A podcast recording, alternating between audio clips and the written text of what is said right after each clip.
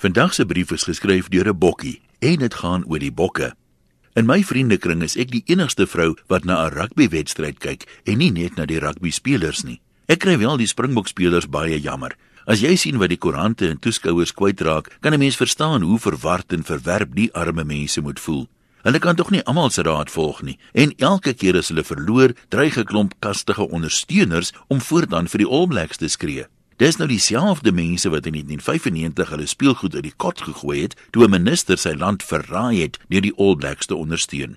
Wat ek nie verstaan nie, is hoe dieselfde spelers in ondersteuners se oë in elk geval binne 'n week van hero tot zero kan gaan en dit teen dieselfde teenstanders.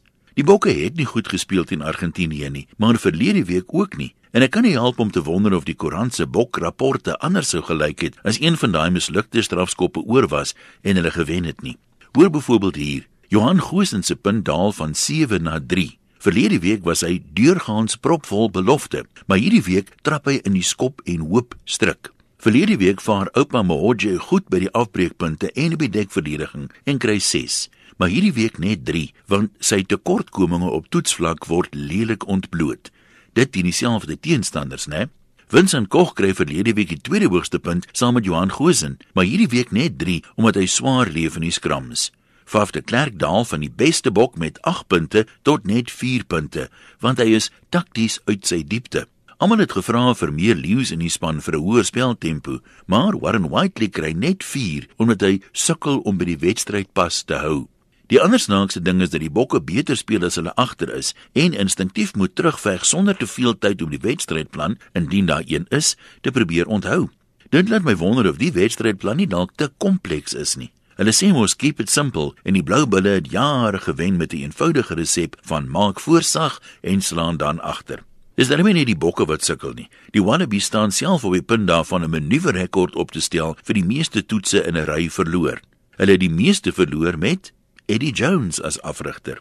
Ek sê jou die stryd om die vierde plek in verjaar se kampioenskap gaan vel wees. Terloops is hierdie ding om 'n hele span en afrigter kort kort af te skryf reg Suid-Afrikaans. Die Springbokke se algehele wenpersentasie sedert hulle eerste toets in 1891 is skaars meer as 60%. So hulle verloor al lank gemiddeld elke derde wedstryd.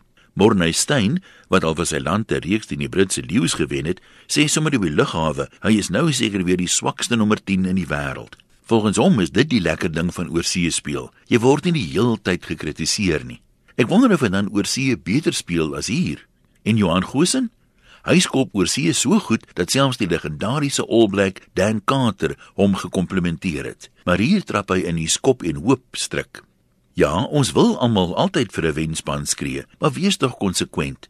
Dan moes ons tydens die Olimpiese spele liewer vir Rusland geskree het. Almal het tog vooraf geweet hulle gaan minstens 5 keer meer medaljes as Suid-Afrika wen. En as jy dan nou net wen lande ondersteun, kan jy China gerus oorweeg. Byna alle produkte in die wêreld word mos daar gemaak.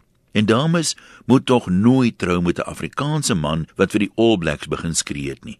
'n Man wat sy mantel so na die wind draai, sal jou sommer op jou honeymoon al verneuk met 'n maardertertjie wat wulpser kan paal dans. Groete van oor tot oor. Antoniem